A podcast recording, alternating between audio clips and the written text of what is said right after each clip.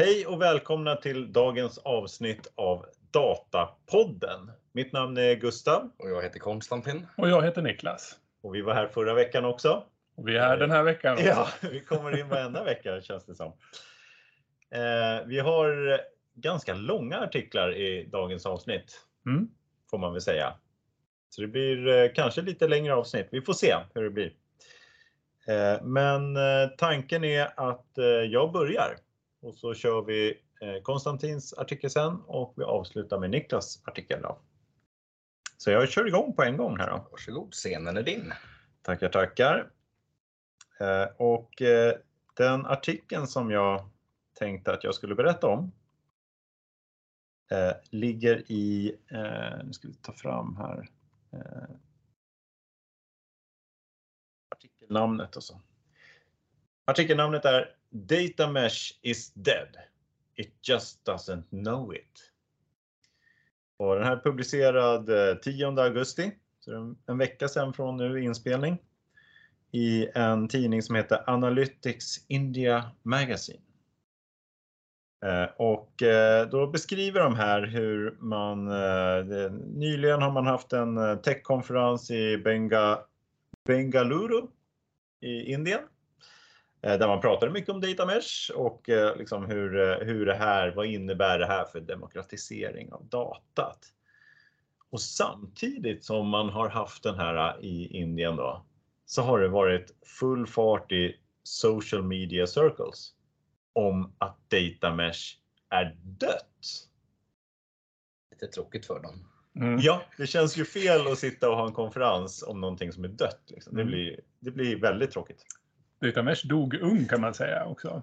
Ja, verkligen. Det är bara för något år sedan den, eh, den kom fram. va? Jag, jag tänkte jag går in här på vad de pratar om då. Först ger de en liten definition av vad som är data mesh. Det undrar vi alla. Eh, Man pratar här då och säger att ja, men det är en eh, distribuerad arkitektur för hantering av analysdata. Eh, och eh, centralt för det här är att man pratar om någonting som heter data product. Eh, och man ska ha liksom dela ut så att man har dataprodukter som är ja, ute i distribuerade och inte liksom all, all data ligger inte i ett data warehouse eller en centraliserad data lake. Och syftet då är ju att då ska man liksom Eh, göra datat mer lättillgängligt för affärsanvändare och data scientist utan att inblandning av de här eh, expert data teamsen. Data warehouse teamet som kommer och säger att allting kommer ta jättelång tid och så vidare. Utan det här ska liksom, man ska kunna komma åt datat utan de här, eh, den här eh, ja, flaskhalsen som sätter alla begränsningar. Då. Dumma, dumma data warehouse människor. Mm. Eh, och, eh, eh så att det, det beskriver de som eh, definitionen här. Eh, och eh, var kommer det här ryktet då? Eh, varför är det dött då? När man nu pratar om det på konferenser och allting. Och då är det Gartner som är eh, den eh, skurken i dramat. För då har eh, Gartner kommit ut med sin Hype Cycle for Data Management 2022. Och i den, det här ger ju Gartner ut eh, varje år. De visar en, eh, en graf där de visar nya eh, tekniska begrepp och metodiker och visar liksom i, i en förhållande då till hur mycket förväntningar man har på den här tekniken och, och tid.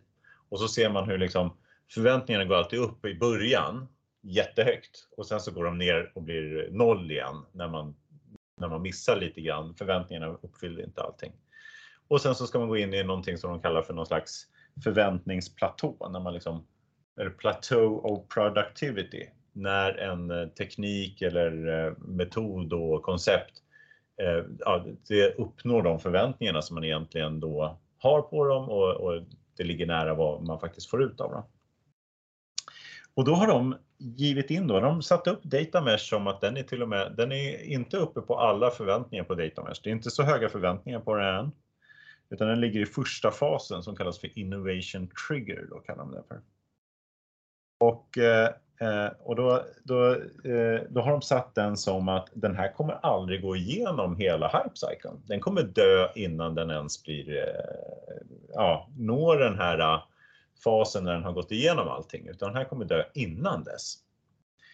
Eh, så de, eh, de tror inte att begreppet kommer finnas kvar då. Och de ger ett par olika skäl.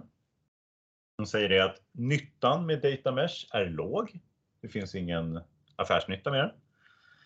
Eh, och den hittills då marknadspenetrationen är låg. De pratar om 1 till 5% som de har mätt då.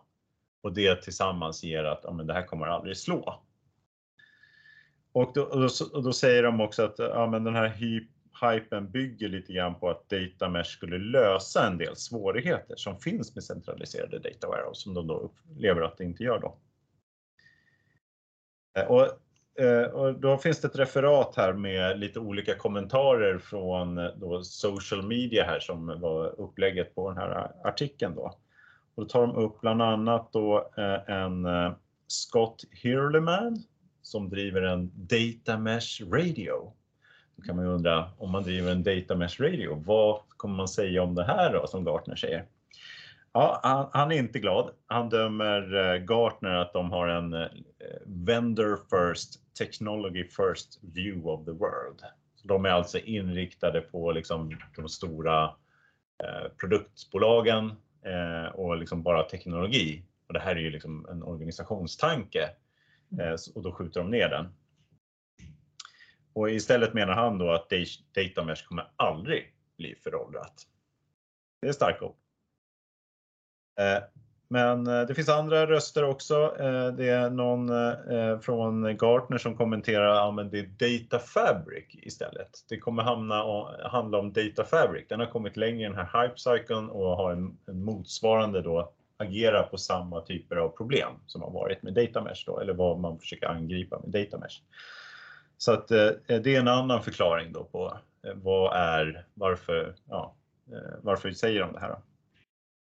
Eh, sen så var det kul för att i den här artikeln så dyker Christian Call upp och refereras till också. Och Christian Call var en av personerna bakom en av artiklarna som vi pratade om förra veckan. Som han hade skrivit en artikel tillsammans med Lars Rönnbäck. Jaha, just det. Så han skrev det här om eh, datamodelleringen då. Och han har en, en tanke kring det här då. Så han säger att ja, men data mesh kommer, är dött den vet det bara inte än. Och, eh, och, och menar att ja, men om några år så, så kommer det finnas så många eh, misslyckade implementationer av data mesh. Så att det kommer dö bara av det skälet att det kommer vara så impopulärt att säga data mesh. Så att det går liksom inte att införa det då av impopularitet oavsett om det var bra eller dåligt. Så är det liksom eh, dött som begrepp. Eh, som någon slags eh, politisk eller retorisk argument då för att det kommer försvinna. Och det finns andra här som säger, det finns en, tar upp att det är en, en Big Data arkitekt här från Agile Lab som istället säger, ja det här det, det är de som trodde att det här var ett litet projekt som är problemet. Liksom. De har haft fel förväntningar. De, ska, de skulle haft låga förväntningar. Det var, det var inte metoden som är fel, metoden är jättebra. Så det finns lite olika eh, sidor i det här.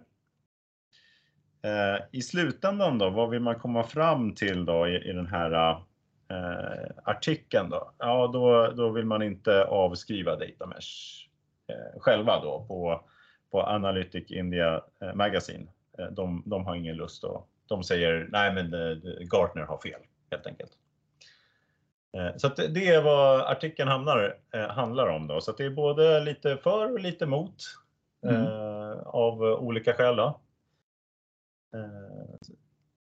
Mm. Har ni några kommentarer? Niklas? Ja, men du sa att eh, de hade en marknadspenetration på, sa du 5 eller? 1 till 5 procent pratar de om. Har, vi, så har vi sett några företag som har så att säga, etablerat en Enterprise-arkitektur för data som är data mesh? Jag tror vi har sett några stycken, mm. men det är inte särskilt många. Nej. Eh, det är kanske eh, lite mer så att man har sett flera som har pratat om det. Ja. Eh, och ganska ofta har det varit, lite förvånansvärt då, att det liksom snarare har varit en teknisk, man tar upp det från den tekniska sidan. Mm.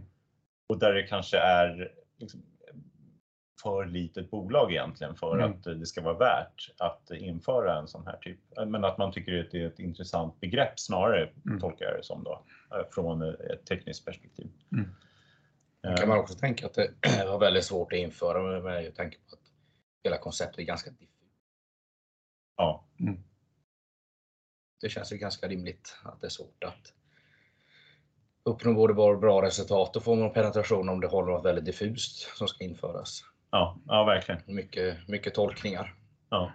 Nej, jag tror en sån här marknadspenetration borde väl vara också, det borde inte gå att nå mer i Sverige för men om du har ett data warehouse med en eller två data engineers, om du då ska liksom distribuera det, Eh, för det första så blir det oerhört mycket dyrare om du behöver ha fem data engineers utspridda överallt nu helt plötsligt. Det blir ju jättedyrt.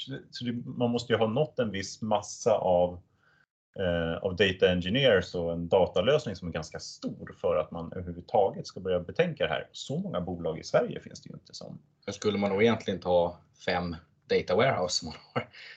Om de alla fem är utspridda. Och, och, Där man har inte ett data warehouse där Ja. flera jobbar. För jag menar, personerna kan ju sitta var de vill. ja. Men det blir liksom helt separata lösningar, liksom Ja. öar kring de här. Ja, och det är väl kanske, data mesh är ju ändå, det är ju en decentraliserad bild av data, men du ska ha en centraliserad metod. Du Mm. får ju ändå inte göra som, helt som du vill, utan det ska ju vara, du följer exakt samma metodik överallt i verksamheten. För annars så blir det ju bara, pang- eller då blir det egentligen ingen metod eller vad man ska Nej, säga. men det är väl just det som har hänt Ja. också. ja, så kan det vara. Så kan det vara. Och det är väl det, ja, det är, jag tror det är svårt att införa de här. Det är, det är nog, jag tror Gartner har rätt lite grann att, eh, att den kommer bli, och som Christian Kohl säger där, att det gör detsamma om det var positiva poäng. Jag tror han har en eh, Mm. väldigt bra poäng i det, att eh, Mm. för många kommer misslyckas. Och också ett problem då om värdet som man ser är ganska lågt. Mm. Och, och sen så jättestora kostnader att hålla på och införa och anställa tio gånger fler data engineers. Det kommer, Mm. vara, det kommer vara besvärligt får man väl säga. Står det någonting om tidsperspektivet i den här artikeln? För att den är ju alldeles i början på den här hype-cykeln. Kommer det att fortsätta vara hype och sen dör det lite senare eller är det, är det redan nära döden nu det, så att det säga? vet jag inte. Det förtäljer inte eh, artikeln i alla fall. Det är inte med titeln. Den är redan död. Ja. det är väl, vi Ja. är väl de som definierar att Ja, nu just är det. data mesh dött. Så att, Ja, eh, nu Det är ett rött kors här det. Det- Ja. Eh, ja, jag tycker det är intressant här att höra om Data Fabric, för det har jag inte hört heller om riktigt eh, förut. Eh, något mycket. Och det är lite lustigt för den eh, menar ju Gartner är mycket större och har vuxit eh, bättre. Mm. Jag såg att det fanns, när jag googlade på det lite grann, så finns det ju en del beskrivningar av det också.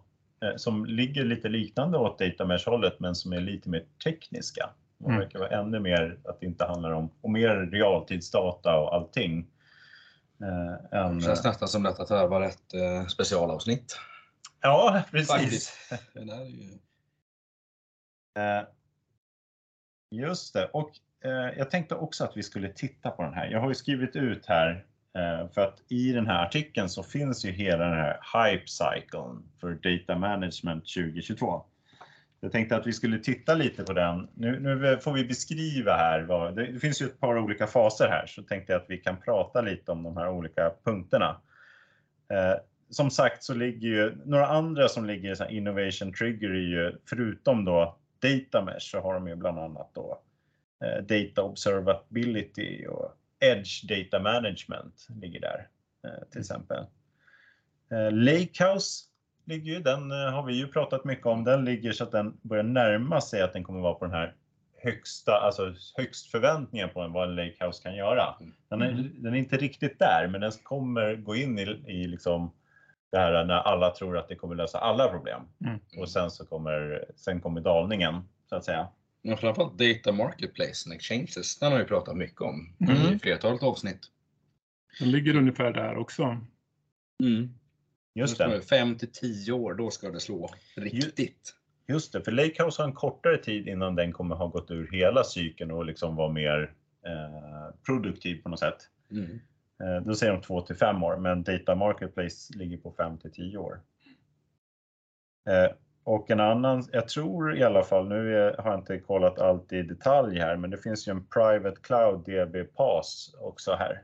Jag kan väl misstänka att ja, om jag, om jag eh, chansar så rör det sig om eh, vad vi pratade om i ett sommarspecial här med Erik Svartling förut. Om, Mm. eh, om eh, private, eh, att man sätter upp då privata VPN-säkra eh, cloud eh, databaslösningar. Den ligger också här som en eh, nymodighet som är på inflated accept, eh, expectations nu, så den är högst upp på förväntningarna och kommer ha en dalning. Då.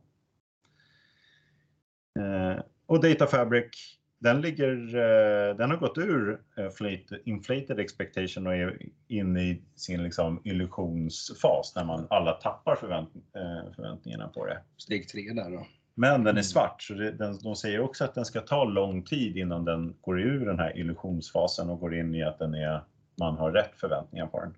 Så 5 till 10 år säger de. Så data engineering reagerar jag lite grann på. Att den Mm. överhuvudtaget finns med. Det känns så generellt. Den är eh, längst ner på förväntningarna, men har inte börjat skapa produktivitet än då, i princip.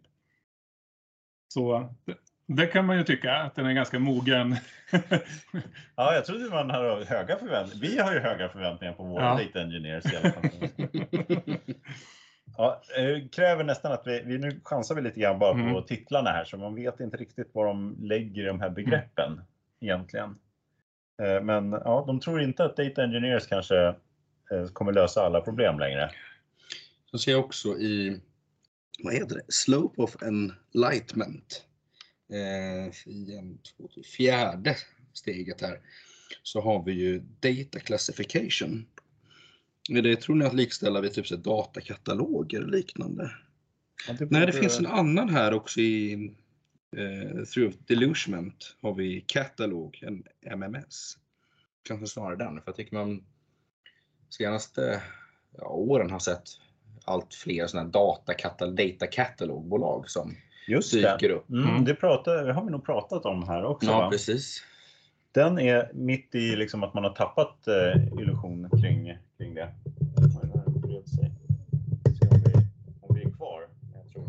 Mikrofonen håller på att ramla ihop här. Ja. Ordningen återställd. ja. Kollar så att ljudet är kvar.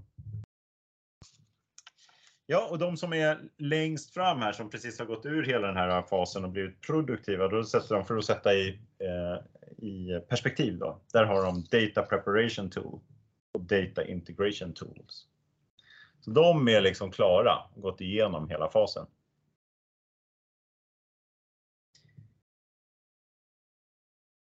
Ja, Ja. det är Data Mesh. Ja, Då, vi hann inte ta upp det förrän det var dött, kan man säga. men den här hype cykeln, den kan man hitta då på artikeln. De Ja, den finns i ibland- artikeln, så gå gärna och kolla i artikeln så ser ni den också. Den är lite rolig att titta på. Gartner har ju roliga Ja, delar får man väl säga. ibland brukar de ju vara bakom eh, betalvägg eller sådär. Men det Ja, är bra. vi tappade micken. Jag skruvar åt. Ursäkta att det låter lite. Så. Ska vi hoppa vidare till Ja. nästa? Vi lyssnar på Konstantins hesa stämma här. Ja, ja, den är underbar idag. Perfekt poddröst.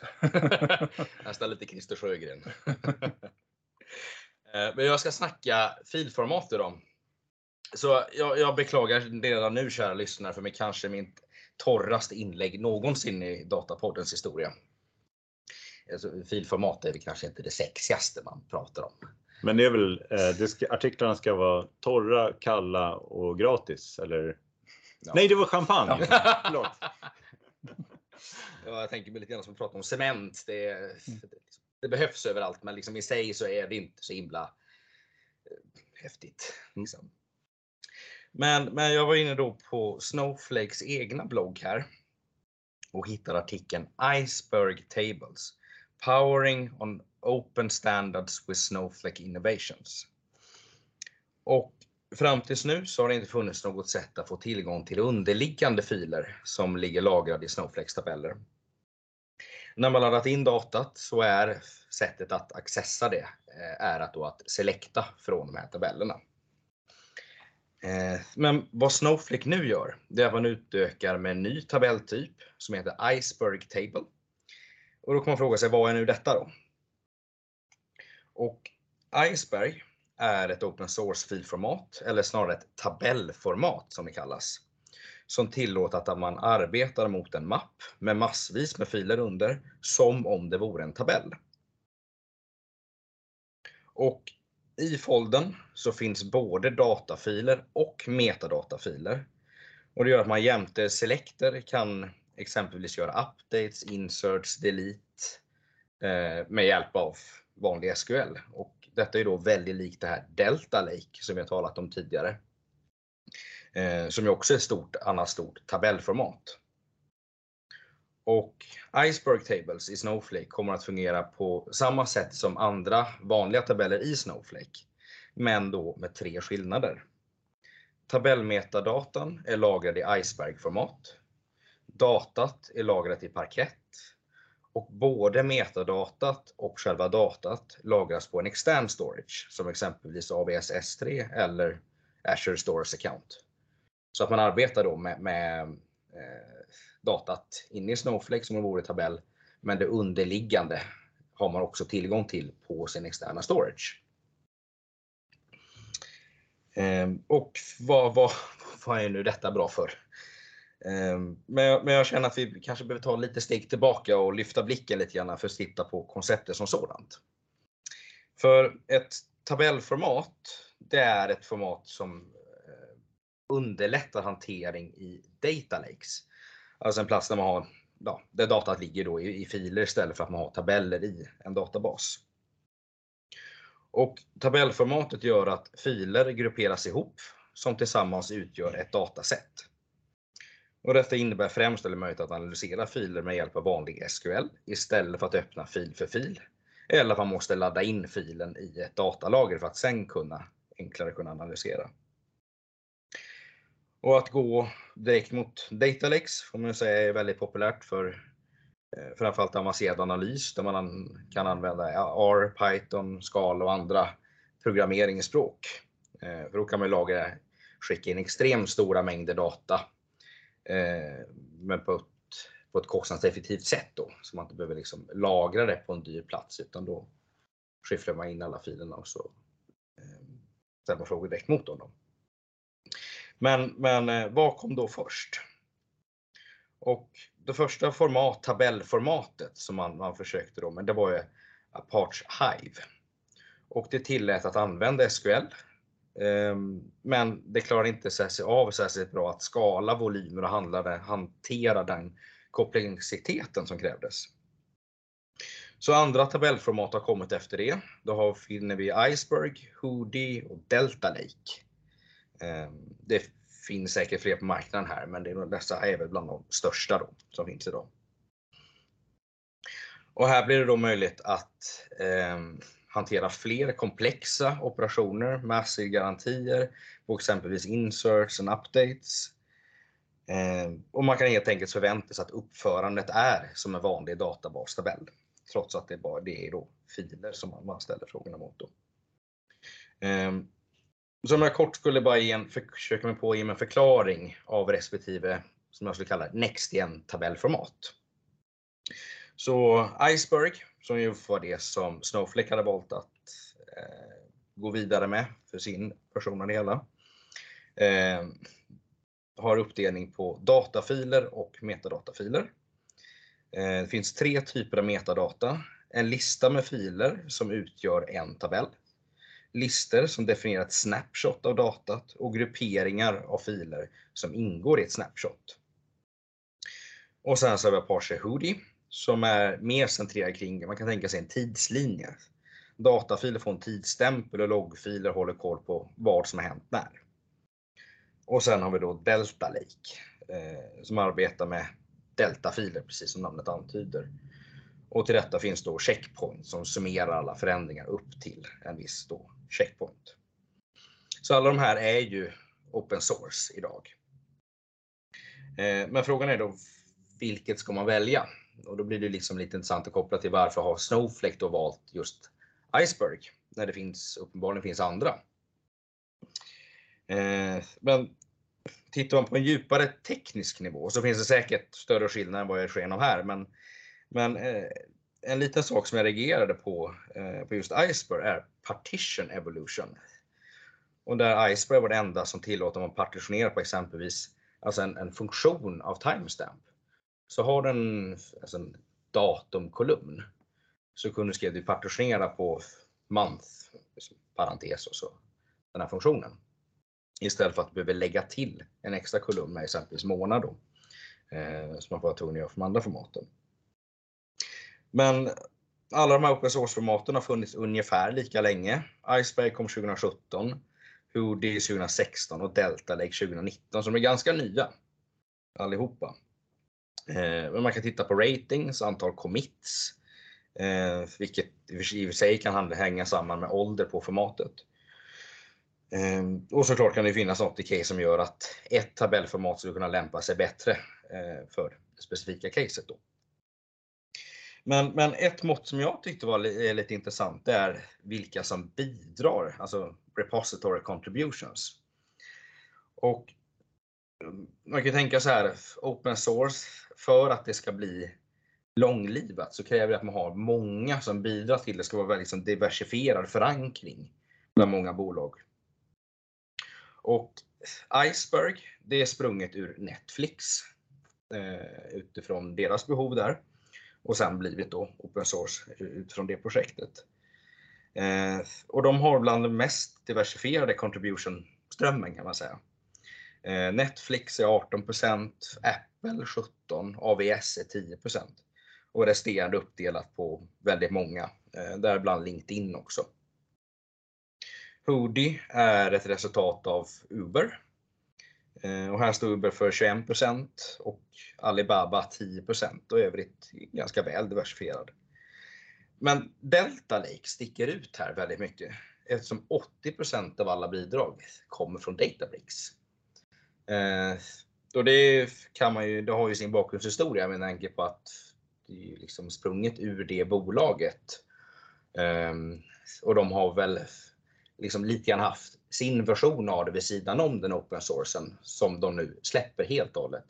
Så man kan tänka sig att det kommer få en helt annan skjuts och kommer få många, många fler eh, som, som bidrar.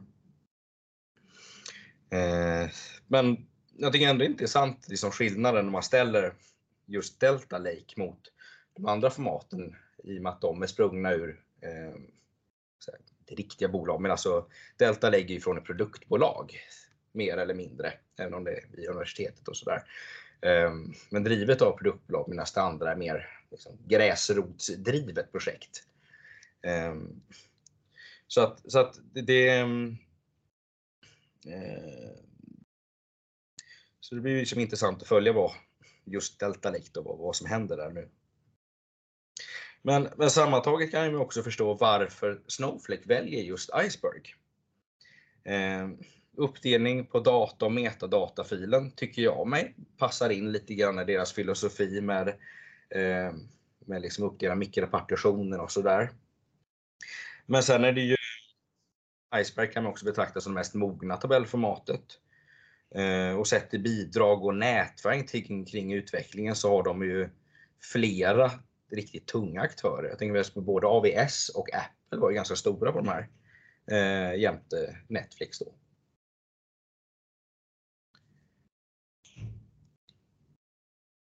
frågor på detta? Ja, det var en, eh, det är torrt och det är kallt med isberg kan man säga. Nej, jag, jag, tänkte på det här. Eh,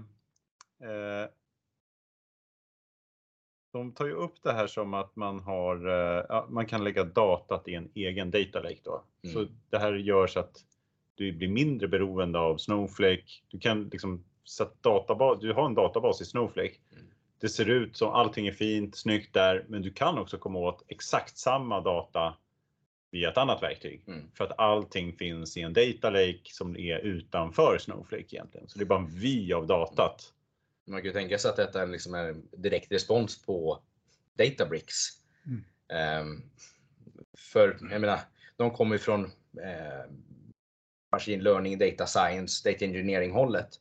Där man liksom håller på med, ja, med R och Python och liksom mm. kör cruncha filer. Medan Snowflake kommer från mer databashållet. Mm. Och för att kunna liksom matcha det, att du har möjligheten till de här machine learning och koppla på an, helt andra verktyg.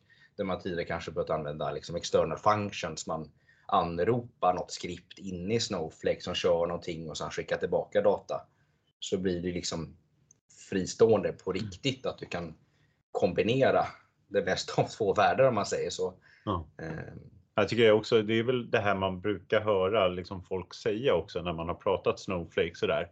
Brukar vara det starka skälet varför man är lite misstänksam. Ja, men var, vad händer med vårt data? Det ligger inlåst bara i Snowflake. Vi kommer bara åt det via Snowflake. Mm. Eh, och det, lite grann så tar man bort den argumentationen då. Ja, men det går att köra helt så att man är, ja, inte kör i Snowflake. Eller ja, datat är liksom eh, öppet för alla andra av ens tillämpningar och så vidare. Sen är frågan, jag, eh, själv tror jag att det blir mer bara en, en sån argument att man bryter den argumentationen, för jag vet inte, jag ser inte liksom skälet till att du skulle behöva lägga det där. Eh, de tar upp det lite grann, jag läste artikeln lite grann och det står liksom lite, de har till och med en karta över hur du ska tänka. När behöver du lägga dig i, eh, i de här eh, i en data lake sådär. Och då, då beskriver man det bara som så här, du har, om du har behov att komma åt datat eh, via andra verktyg Mm. eller något sånt där. Och om man säger yes då, då ska man lägga det så. Mm. Det mesta är väl antagligen så att de flesta klarar av att göra allting med Snowflake om man nu har valt den databasen tror jag. Eller vad Men- tror ni? Finns Ja, det? jag kommer tänka, tänka på förra veckan i den artikeln. Jag vet inte om jag tog upp det, men ehm, när jag snackade om Databricks. För då var det att 70% av Databricks kunder har också Snowflake. Så tänkte jag på att ja, men de kanske, det kanske finns liksom ett komplement, att inte direkta eh, konkurrenter på alla områden. Och genom att göra den här, sätta den här möjligheten att ha de här filerna i Data Lake då istället. Ja, men då kanske man minskar, eh, då kanske man mer skapar konkurrensen istället för komplementet då. Eh, så att man inte behöver ha båda. Mm. Men har ni något eh, relevant exempel istället för att det blir de här eh, mer tekniska behoven? Finns det något eh, exempel på när man skulle, om man kör Snowflake, eh, när skulle jag behöva ha den här Iceberg, min egen data lake? Har vi något bra exempel på, liksom så här, handfast exempel på det? Ja, Det fungerar bra som det Ja. Det- är som du säger då att du skulle ha valt att göra eh, personaliseringsalgoritmen i Databricks eller något sånt där antar jag. Ja, eller Python eller något Ja. sånt där. Nu kommer ju stöd till det också i Snowflake förvisso, men det kan ju finnas annat sådant ehm, som, som man vill utnyttja. Det finns ju använda Azure Functions och Lambda i AVS. Det har ju varit ganska krångligt innan. Ja. Och det kan ju bli mycket lättare nu om man gör det. Mm. Använder det på, man har något realtidsströmmat eller något liknande. Default, kommer det vara att man bygger såna här tabeller eller kommer det vara att man kör, om man nu väljer Snowflake, tror ni att det kommer vara att man bygger det här eller är det här en eh, Kommer det här bli liksom en ny standard eller tror ni att det kommer vara en särbehandling ibland? Jag tror man vill ha sina datalager. Men ett komplement. Ja. Skulle jag nog säga. Absolut. Mm. Ja, det, det är nog. Det är ju bara, man får ju gissa lite grann här också. Så det, det är helt klart att det kan vara att det drar iväg om att allting ska vara öppet och man ska kunna komma åt det på flera ställen. Men jag tror också att samtidigt så tar ju Snowflake och bygger funktionaliteter, de få funktionaliteter som folk vill använda som inte finns i Snowflake. Det är ju de igång och, och liksom bygga in också i Snowflake. Så att eh, man har nog en sån eh, också del i det här. Men man kanske tar bort tröskeln då. Om det finns de som har det där lilla extra behovet som de inte har stöd för än. Ja, Då tar man ju bort det där argumentet. Mm, eller den, precis. Det går ju att lösa det ändå.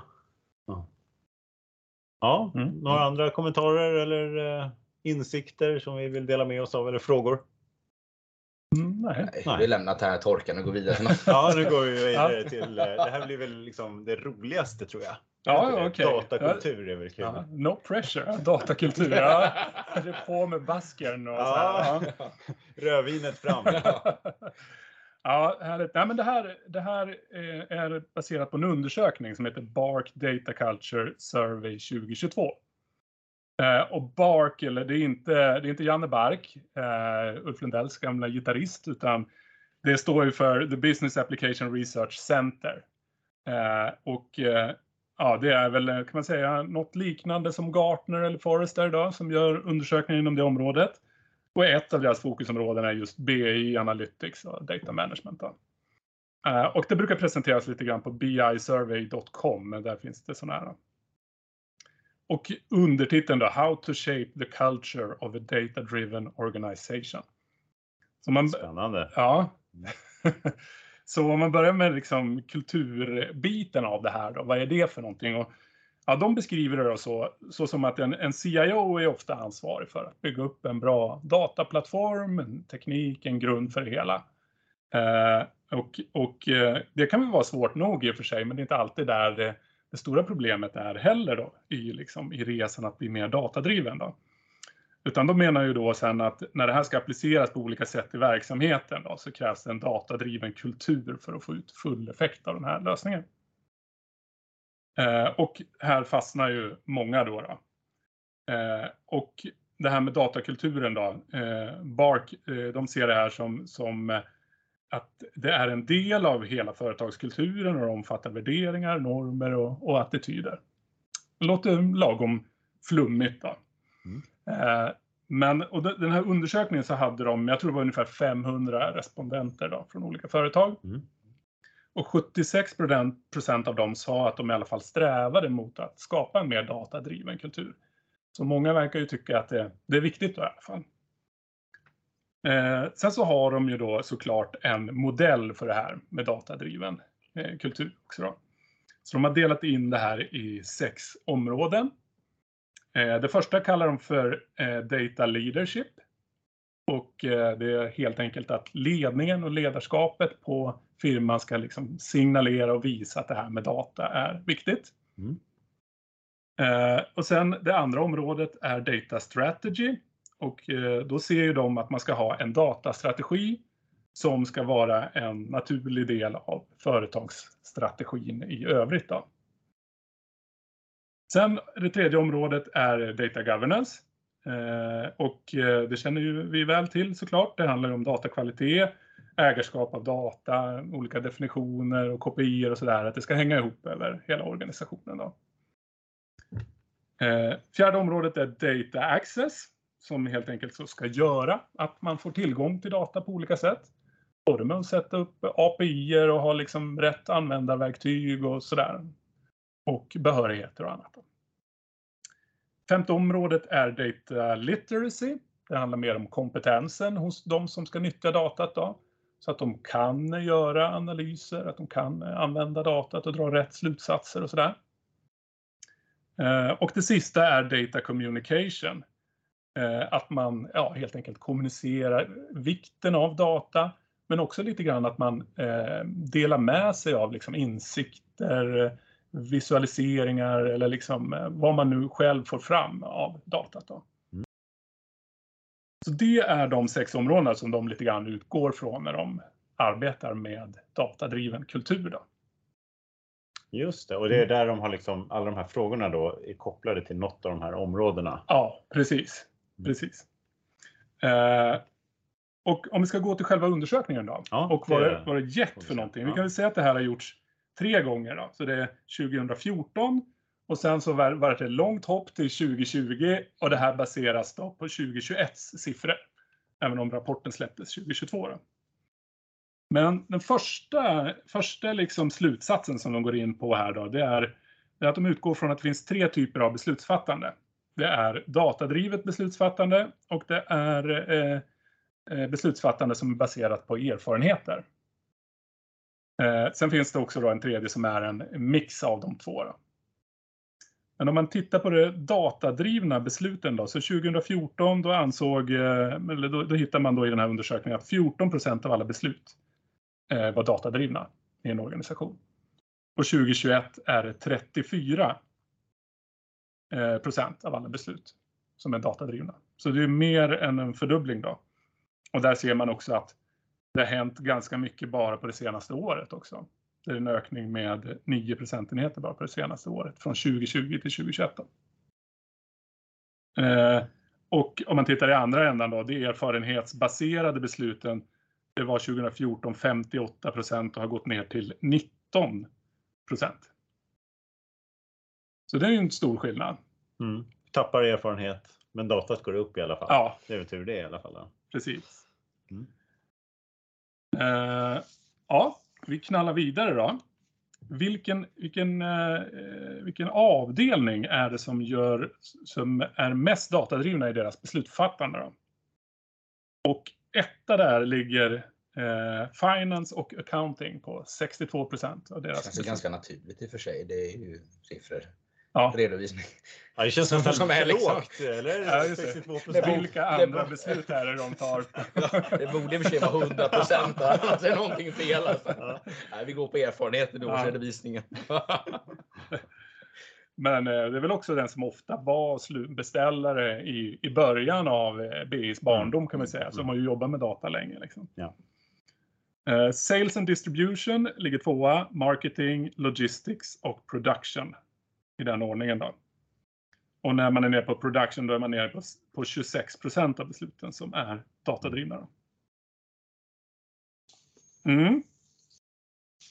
Eh, sen så har de ju då identifierat också att det är viktigt det här med ansvar för, för eh, datadriven kultur och hur det här är fördelat. Och, eh, och då har man då delat in de här företagen i de som är best in class på att vara datadrivna och de som är sämst in class. Eh, och då ser man då på de allra som är, det vanligaste bland de som är sämst in class, det är att det inte finns någon ansvarig helt enkelt för just datadriven kultur. Eh, näst sämst är att det är splittrat ansvar mellan flera parter. Då. Och de som är bäst i- in class, eh, då är det bäst, eh, överst då så är det a dedicated, a dedicated person, en utpekad person. Då. Mm. Eh, två är ledningen och tre är CEO. Och CEO känns ju också som en dedication, dedicated person, men eh, det var väl ett subset kanske av det. Då. Så, så det är väl det är något de, de ser då, att det är väldigt viktigt att man har ett, ett ansvar för, för det här, driva de här frågorna. Eh, och vad är det då som är de största hindren för att åstadkomma den här datadrivna kulturen? Då den, den allra vanligaste faktorn är att man inte får, får liksom allokerade resurser för att jobba med det här. Eh, det näst vanligaste är eh, lack of knowledge among employees about data and analytics. Eh, och de, de två kanske hänger ihop i viss mån, liksom, att man Mm. får inte resurserna för att de inte finns helt Nej. enkelt. Eh, och om de finns så saknar de kompetens. Och sen så kan man aldrig visa det i en rapport eftersom man saknade kompetensen. Ja, Så man får aldrig fram datat som visar att vi behöver ja datakunniga personer kanske. precis. Moment 22. Och det är kanske är det här just att man, om man går då från erfarenhetsbeslutsfattande till datadrivet. Då, ska, då blir det mer och mer data wizards snarare än de som kan liksom, eh, hur, hur saker och ting funkar i processen och så.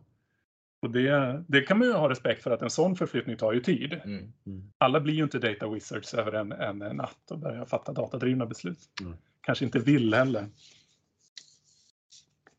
Eh, och då, då så, eh, så är nästa frågeställning och nästa liksom slutsats i det här är hur, vilka områden är mest relevanta för att eh, eh, få en eh, datadriven kultur. Då? Eh, och det är egentligen det, är det som man är mest benägen att investera i och göra olika initiativ. Då. Och då är det eh, data access som är den absolut vanligaste, då, att ge tillgång till, till slutanvändarna. Tätt följd av data governance initiatives. Ja, och det ligger på ungefär lite drygt 30 procent av företagen som investerar i den typen av, av eh, initiativ. Då. Eh, Okej, okay. och sen då en fråga. Vilka är topp tre fördelar med att ha en datadriven kultur? Och då är det första eh, förbättrad beslutsfattning, 73 procent. Eh, den näst högsta är en kontinuerlig processförbättring med hjälp av data. Och den tredje är, är kostnadsreduktion med hjälp av data. Så som, som de har svarat och kategoriserat det där. Mm. Man kan man också tycka att de går in delvis i varandra, men det visar väl lite grann vad, vilken typ av beslut de eh, tar också. Ja, det var, det var egentligen det hela. Det var en ganska lång artikel och det står eh, mycket mer, men jag tänkte man kan inte ta upp en Allting. timmes tid här. Så gå gärna in och läs om inte annat. Mm. Om, eh, om, man var, om jag vore en BI-ansvarig eller jobbade med att eh, få till liksom, mm. använda datat i en organisation.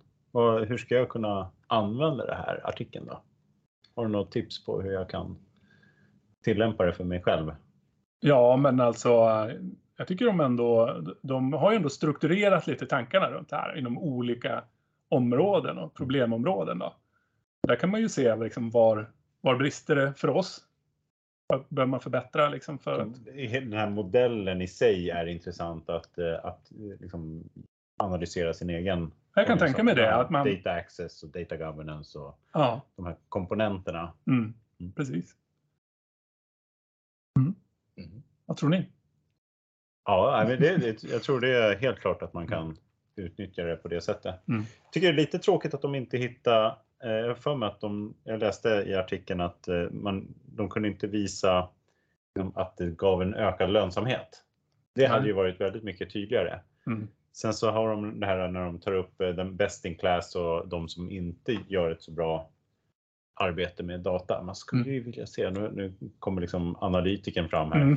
Man skulle vilja se bransch och, mm. och, och, ja, den typen av siffror, lönsamhet. Mm på liksom, men är det för laggards kanske går riktigt bra rent lönsamhetsmässigt. Det är därför de, allting funkar bra. Då är man inte i lika stort behov av att ja. eh, och förändra sig. Heller. Nej, men jag tänkte lite grann på första bilden där med eh, procentsatserna, hur det ändrats i andelen beslut som är datadrivna. Mm. För det var ju skiftet där år 2020, 2021. Ja. Tänkte som pandemin kom ju där. Mm. Och alla planer och sådär, det beställdes bara omkull. Man måste mm.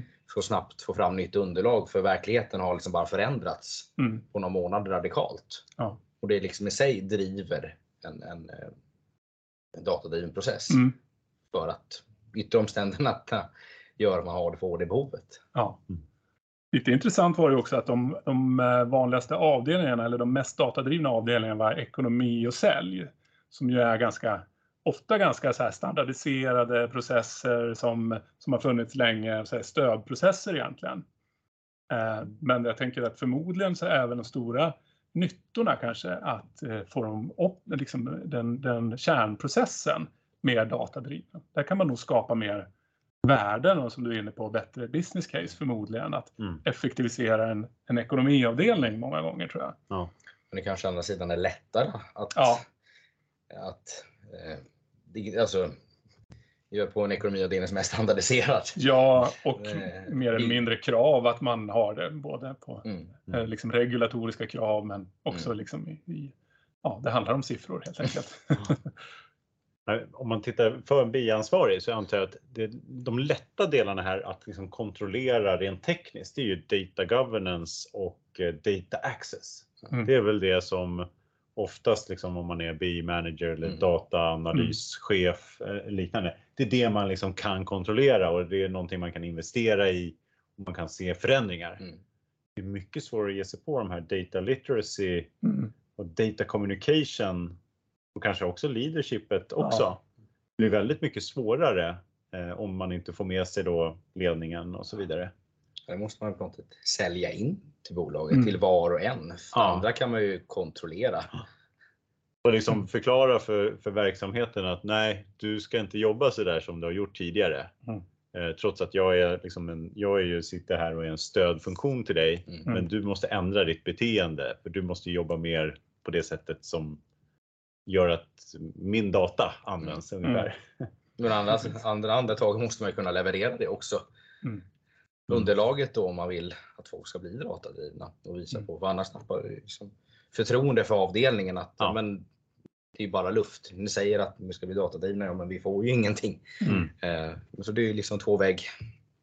Ja, verkligen. Eh, och, och, det kanske finns en stor skillnad där på liksom om man är jag tror de skrev någonting om det i artikeln här också om eh, den här skillnaden att här, unga, liksom, nya på jobbet, de är mm. mycket lättare att få förändras. Liksom, mm. och att det är ett stort problem att man har liksom, eh, personer som har jobbat i, eh, i 15 års tid och gör exakt som man har gjort tidigare. Mm. Och hur man ska få det då att fungera. Ja, men sen tror jag att det är säkert många eh, VD som förväntar sig att CIO ska lösa det här liksom, på något sätt. Även de kulturella bitarna. Ja.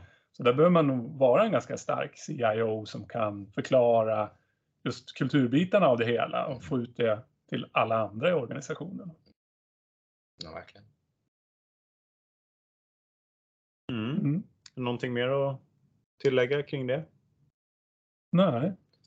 Det, vi, jag tror vi har kört länge nu här så det blir ett långt avsnitt. Det var långa artiklar här. Mm. Och det var bra. Det är helt klart, nu har ni fått en liten sammanfattning här från oss. Eller kanske till och med en lång sammanfattning. Men det är ju helt klart eh, värt att gå och kika på de här om ni tycker det är intressant. Speciellt de här bilderna. Det är flera av de här artiklarna som har intressanta bilder då också. Eh, innan vi avslutar så vill vi påminna om ni lyssnar på det här avsnittet innan den 15 september Eh, så eh, vill vi påminna här eller berätta att vi kommer fira att vi firar 10 år. Eh, den 15 september i Stockholm så kommer vi ha ett event med lite mingelmöjligheter och möjlighet att lyssna på lite dragningar av intressanta personer. Och vi kommer även ha lite underhållning i form av David Batra som kommer köra en stand-up show.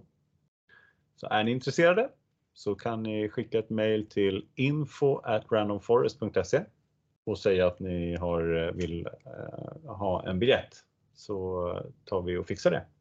Yes, jag tror du sa den 15. Det är den 14.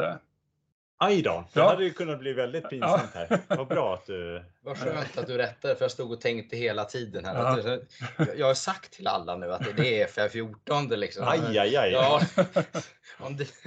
ja, men det här är, det här är ja. datakultur. Ja, jag du kollar direkt upp Jag gick in i kalendern. I databasen. Ja, datat sa den 14. Mm. Ja, men det är fint. 14 datat är rätt. Mina mm. erfarenheter är fel. Jag mm. ska använda dem mindre. Jag använder inte, ja, kanske 50% idag, men jag ska ner på 20% Tack så jättemycket för idag. Tack ska ni ha. För att ni har lyssnat. Vi hörs nästa vecka. Hej då! Hej då! Vakna klockan fem, det är mörkt nu igen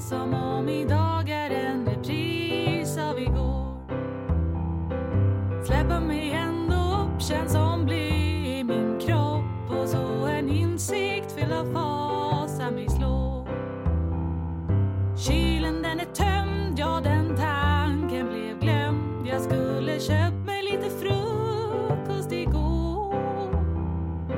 Hur ska nu dagen bli? Jo, det vet kära ni att en kopp kaffe gör ju tillvaron mindre svår.